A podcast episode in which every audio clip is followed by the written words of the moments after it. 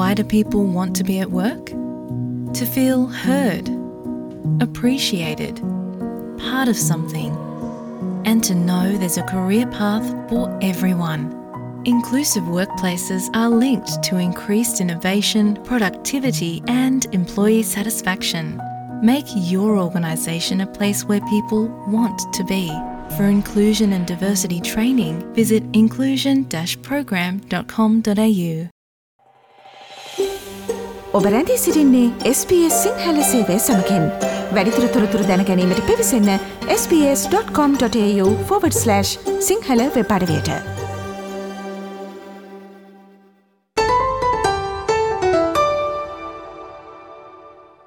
එළමෙන ඔස්ට්‍රලයානු මැතිවරණය වෙනුවෙන් දේශපාලන පක්ෂ සිය මැතිවරණ ප්‍රචාරක කටයුතුවල මේ දිනවල නිරත වෙමින් සිටිනවා. දිනින් දින මැතිවරණ වේදිකාව උණුසුම වැඩි වෙද්දී SBS සිංහල ගුවන්විදුලි සේවයෙන් අපි කල්පනා කළා ඔස්ට්‍රලියාවේ ෆෙඩරල් මැතිවරණය සම්බන්ධව ඔස්ට්‍රලියාව වෙසෙන ශ්‍රී ලාංකේය ප්‍රජාවගේ අදහස් විමසන්නට. විවිධ ප්‍රාන්ත හා ටෙරිටරි වලින් ඔස්ට්‍රලියාවේ වෙසෙන ශ්‍රී ලංකකයන් කීපදනෙකු අපි මෙම සාකච්ඡාවට සම්බන්ධ කරගනු ලැබවා. එහිදී ඕස්ට්‍රලයානු ෆෙඩරල් මැතිවරණයට තරඟවදින පක්ෂ විසින් අවධානය යොමු කළ යුතුයයි ඔවුන් බලාපොරොත්තුන මූලික ක්ෂේත්‍ර දෙක මොනවද කියෙන කාරණය අපි ඔවුන්ගෙන් විමසා සිටිය. ඒ වගේම ඔවුන් එම ක්ෂේත්‍ර දෙක තෝරාගැනීමට හේතුවත් අපි ඔවුන්ගෙන් විමසා සිටිය. ඉතින් ඔවුන් දැක්වූ අදහස් මෙම ගුවන්විදුරි විශේෂාන්ගෙන් අප ඔබත ගැනීමට බලාපොරොත්තු වනවා. මුලින්ම අප සමඟ සාකච්ඡාවට සම්බන්ධ වනේ සිඩ්නිස් මෙන්ම කැන්බරාහි ප්‍රජානායකයෙකු සමාජ ක්‍රියාකාරකයෙකු ලෙස කටයුතු කරන සේන ඇතුගල මහතා. අයිබෝන් ඔබතුමාට අයිබෝවන් අතිනි ඔස්ට්‍රලියාවේ ෆෙඩරල් මැතිවරණයට තරගවදින පක්ෂ විසින් අවධානය යොමු කළ යුතු යැයි ඔබ බලාපොරොත්තුවන මූලික ක්ෂේත්‍ර දෙක මොනවාද. අවුරුදු තිස්පාහකට වැඩිකාලයක් ඔස්ට්‍රේලිය පදිංචි සිට නිසා මට ඒ ශේත්‍ර දෙක හඳුන්වන්න පුළුවන් එකක් සෞඛ්‍ය සේවය තමයි මම පළමුුවෙන්ට සලකගන්නේ දෙවිනි එක පරිසර දූෂණයට කඩිනම් පිළියමක් කියනකතයි මම දෙවිනිකට තෝරගත් අවුරදු ගානත් හිටපු නිසා මට හිතෙනවා ඒ සෞඛ්‍ය සේව පහසුකොන් සහ පරිසර දූෂණය කියන දෙක පලවෙනි සහ දෙවෙනි සිද්ධිය විදියට. ඔබ එම ක්ෂේත්‍ර දෙක තෝරා ගැනීමට හේතුව කුමක්ද.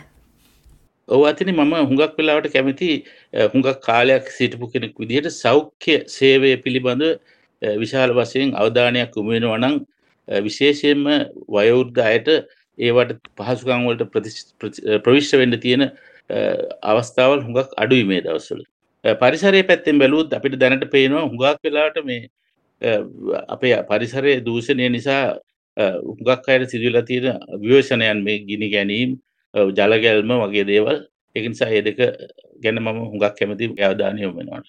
බටහිර ඕස්ට්‍රලයානු ප්‍රාන්තයේ සිට අප සමඟ සම්බන්ධ වූ අපේ ප්‍රජාවේ දෙවන පරපුර නියෝජනය කරන මදුශානි බණ්ඩාර ෆෙඩරල් මැතිවරණයේදී වඩාත් අවධානය යොමු විය යුතු ක්ෂේත්‍ර දෙක සම්බන්ධයෙන් දරන්නේ මෙවැනි අදහසක්. For me, I guess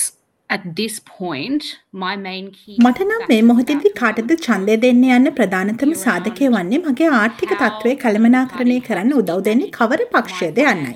ඒ වගේම දේශගුණ විපර්යාස සම්බන්ධයෙන් ඔවුන්ගේ ප්‍රතිපත්ති කුමක්ද යන්නයි. going forward with climate change policy. So yeah, those would be my two main kind of factors. Um, and I guess so with the financial situation, with the financial management.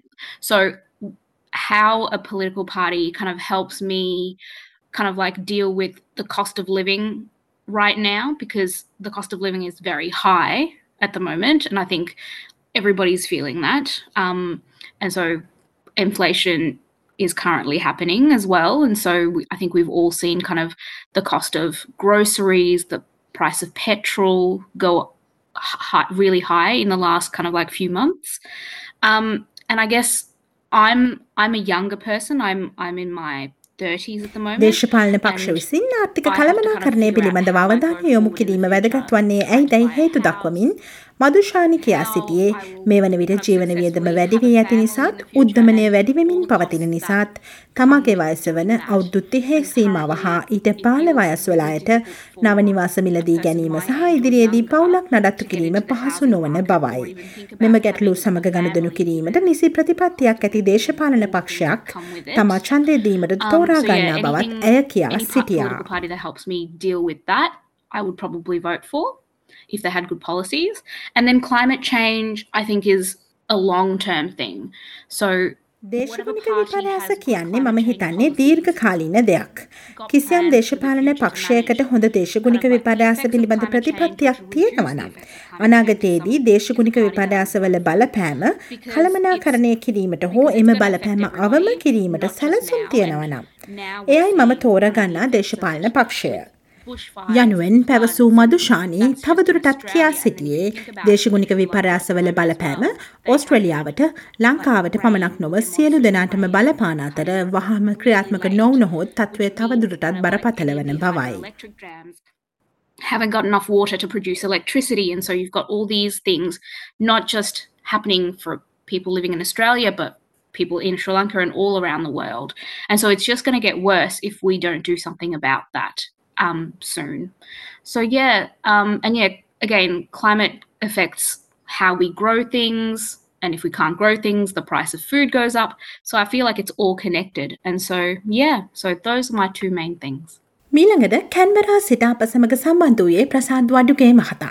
ඔස්ට්‍රලයානු federal මැතිවරණයට තරගවදින පක්ෂ විසින් අවධානය යොමු කළ යුතුයයි ඔබ බලාපොරොත්තු වන මූලික ක්ෂේත්‍ර දෙක මොනවාද සහ එම ක්ෂේත්‍ර දෙක තෝරා ගැනීමට බලපෑ හේතු මොනවාද යන ප්‍රශ්නය සම්බන්ධව ප්‍රසාත් වඩුගේ මහතා දැක්වූයේ මෙවන් අදහසක්.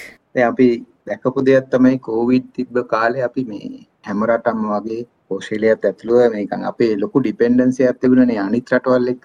ඒ කියන්නේ කෝවිඩ් හින්දා වෙච්ච ඔය ගමනාගමන හිටීමත් සමගම සමහර දේවල් බඩු බාහිරාදී අපිට හම්බුනේ නෑ එතකොට යවන්න බැරි වුණා. ඉතින් මට හිතුනේ ඒ ඩිපෙන්ඩන්සි එක ටිකක් අඩු කරගත්තා නම් හොඳයි කියලා. මොකද සමහර පැති ගත්තොත් අපි දැන් රෝ මැටීරියල් වගේ ගත්තොත් ඕස්ට්‍රේලියා කියන්නේ ගොඩක් මේ rich country uh raw material වලින් ගොඩක් ලිතියම් අයන් එතකොට ගෝල්ඩ් ඩයමන්ඩ් පවා තියෙන රටක් නේ. ඉතින් මට හිතුනේ දැන් අපි මේවා මේ රෝ මැටීරියල් එක එහෙමම පිටරට යවනවා මිසක් ගොඩක් ප්‍රොසෙස් කරන්න එහෙම නැත්නම් ඒවයි නිෂ්පාදනය කරන්න නැති බවක් තමයි මම දැක්කේ. ඉතින් මට හිතෙන දැන් ගවර්න්මන්ට් එකක් විදිහට මේගොල්ලන්ට ගොඩක් සල්ලි තියෙන හින්දා නිෂ්පාදනයේ පැත්තට අපි ගොඩක් ආයෝජනය කරොත් මේ රෝ මැටීරියල් කන්වර්ට් කරලා සමහරට අපිට අවශ්‍ය භාණ්ඩම හදා ගන්න පුළුවන්. උදාහරණයක් කිව්වොත් දැන් අපි දැන් සස්ටේනබිලිටි පැත්තට යනකොට දැන් හැමෝම කියන ප්‍රශ්නය තමයි ග්ලෝබල් වෝමින්. එතකොට ග්ලෝබල් වෝමින් වලට හොඳම දෙයක් තමයි රිනියුවබල් එනර්ජි. එතකොට උදාහරණයක් ගත්තොත් අපි අපිට පුළුවන් නම් අපේ මේ සූර්ය ශක්තිය අපිතුම් බැට්‍රිවලට ස්ටෝ කරන්න ඉතින් බැට්‍රිය ඕන්නම් අපි ගොඩක් වෙලාට ගේන්නේ චීනෙන් හරි ජපානෙන් හරි පිටරටවල ඉතින් මෙහි ලිතියම් තියෙන හින්දා මෙහි මැනුෆැක්චරින් ප්ලාන්ට් එකක් පටන් ගත්තොත් ලිතියම් එතකොට අපි ඒ බැටරි යූස් කරලා අපිට එතකොට ප්‍රොඩක්ට් එකක් විදිහට අපිට පාවිච්චි කරන්න පුළුවන් එතකොට අනිත් රිනිවල් පැත්තට අපිත් යන ගමන් අපේ අතිරික්තයක් විදිහට ලෝකෙටත් එවන්න පුළුවන්. ඉතින් මම හිතුවේ එක දෙයක් ඒක විදිහට. අනිත් එක මම හිතුවේ දැන් හවුසින් කියන එක ලොකු ප්‍රශ්නයක් වෙලා තියෙනවා. ගොඩක් අයට දැන් අපි ගත්තොත් අපේ දරුවන්ට එහෙම මං හිතන්නේ ගයක් හොයාගන්න අමාරුයි. තනියම ගන්නවා කියන්නේ ලොකු අමාරුයි. ඒ වගේම හෝම්ලස් අයත් ගොඩක් ඉන්නවා. ඉතින් මට හිතුනේ පබ්ලික් හවුසින් ටිකක් ඒ පැත්තට වැඩි කරලා ඒ වගේම දැන් ස්ටේට්ස් ඒගොල්ලන් ගොඩක් මේ හවුසින් මාර්කට් එකෙන් ගොඩක් ඩිපෙන්ඩ් වෙනවා. ඒගොල්ලෝ ඒකේ මේ ගොඩක් අපේ ඊඩම් තිබුණට මේ රටක් විදියට ඒව රිලීස් කරන්නේ නැහැ.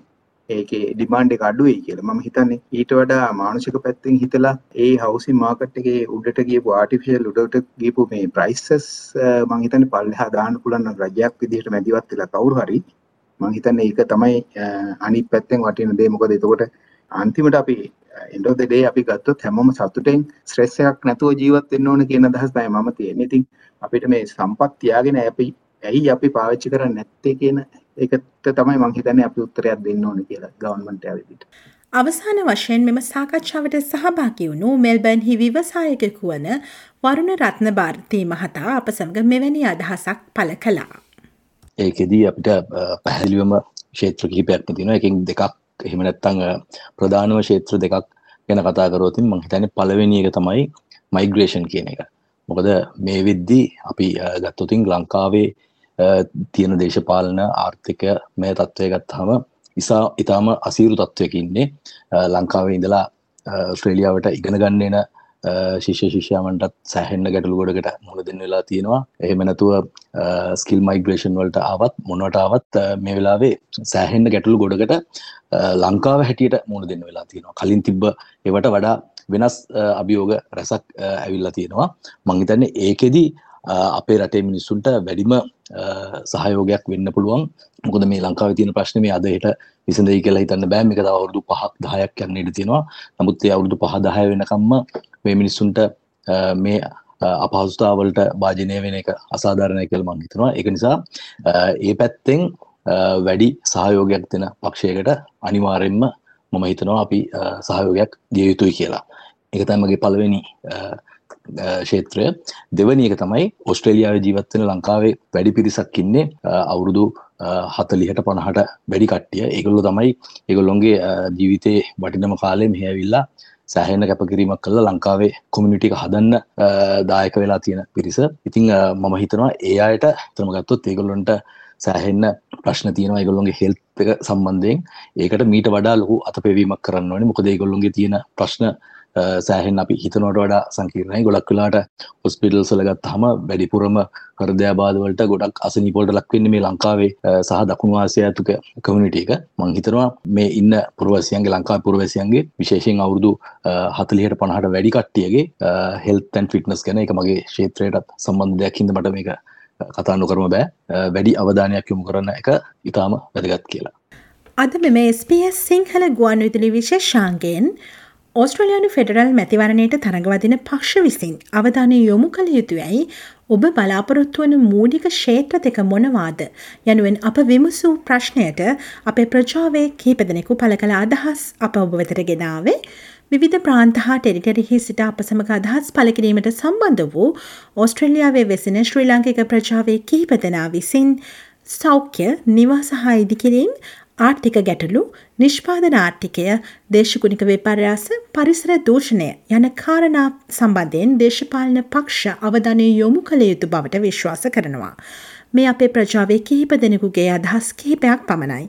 අද ගුවන් විදුලි විශේෂාන්ගේට අදහස් පල කිරීමට අප සමඟ සම්බන්ධ වූ සිද්නි නුවර සේන ඇතුගල මහතාටත් බටහිර ඕස්ට්‍රලියයානු ප්‍රාන්තයක් නියෝජනය කරමින් සම්බන්ධ වූ මදුෂානි බණ්ඩාරෝපටත් කැන්බරා සිට සම්බන්ධ වූ ප්‍රසාද් වඩුගේ මහතාටත් මෙල්බැන්හි සිට සම්බන්ධ වූ වරුණ රත්න භාරතී මහතාටත් අපගේ ස්තුතිය පුද කර සිටිනවා.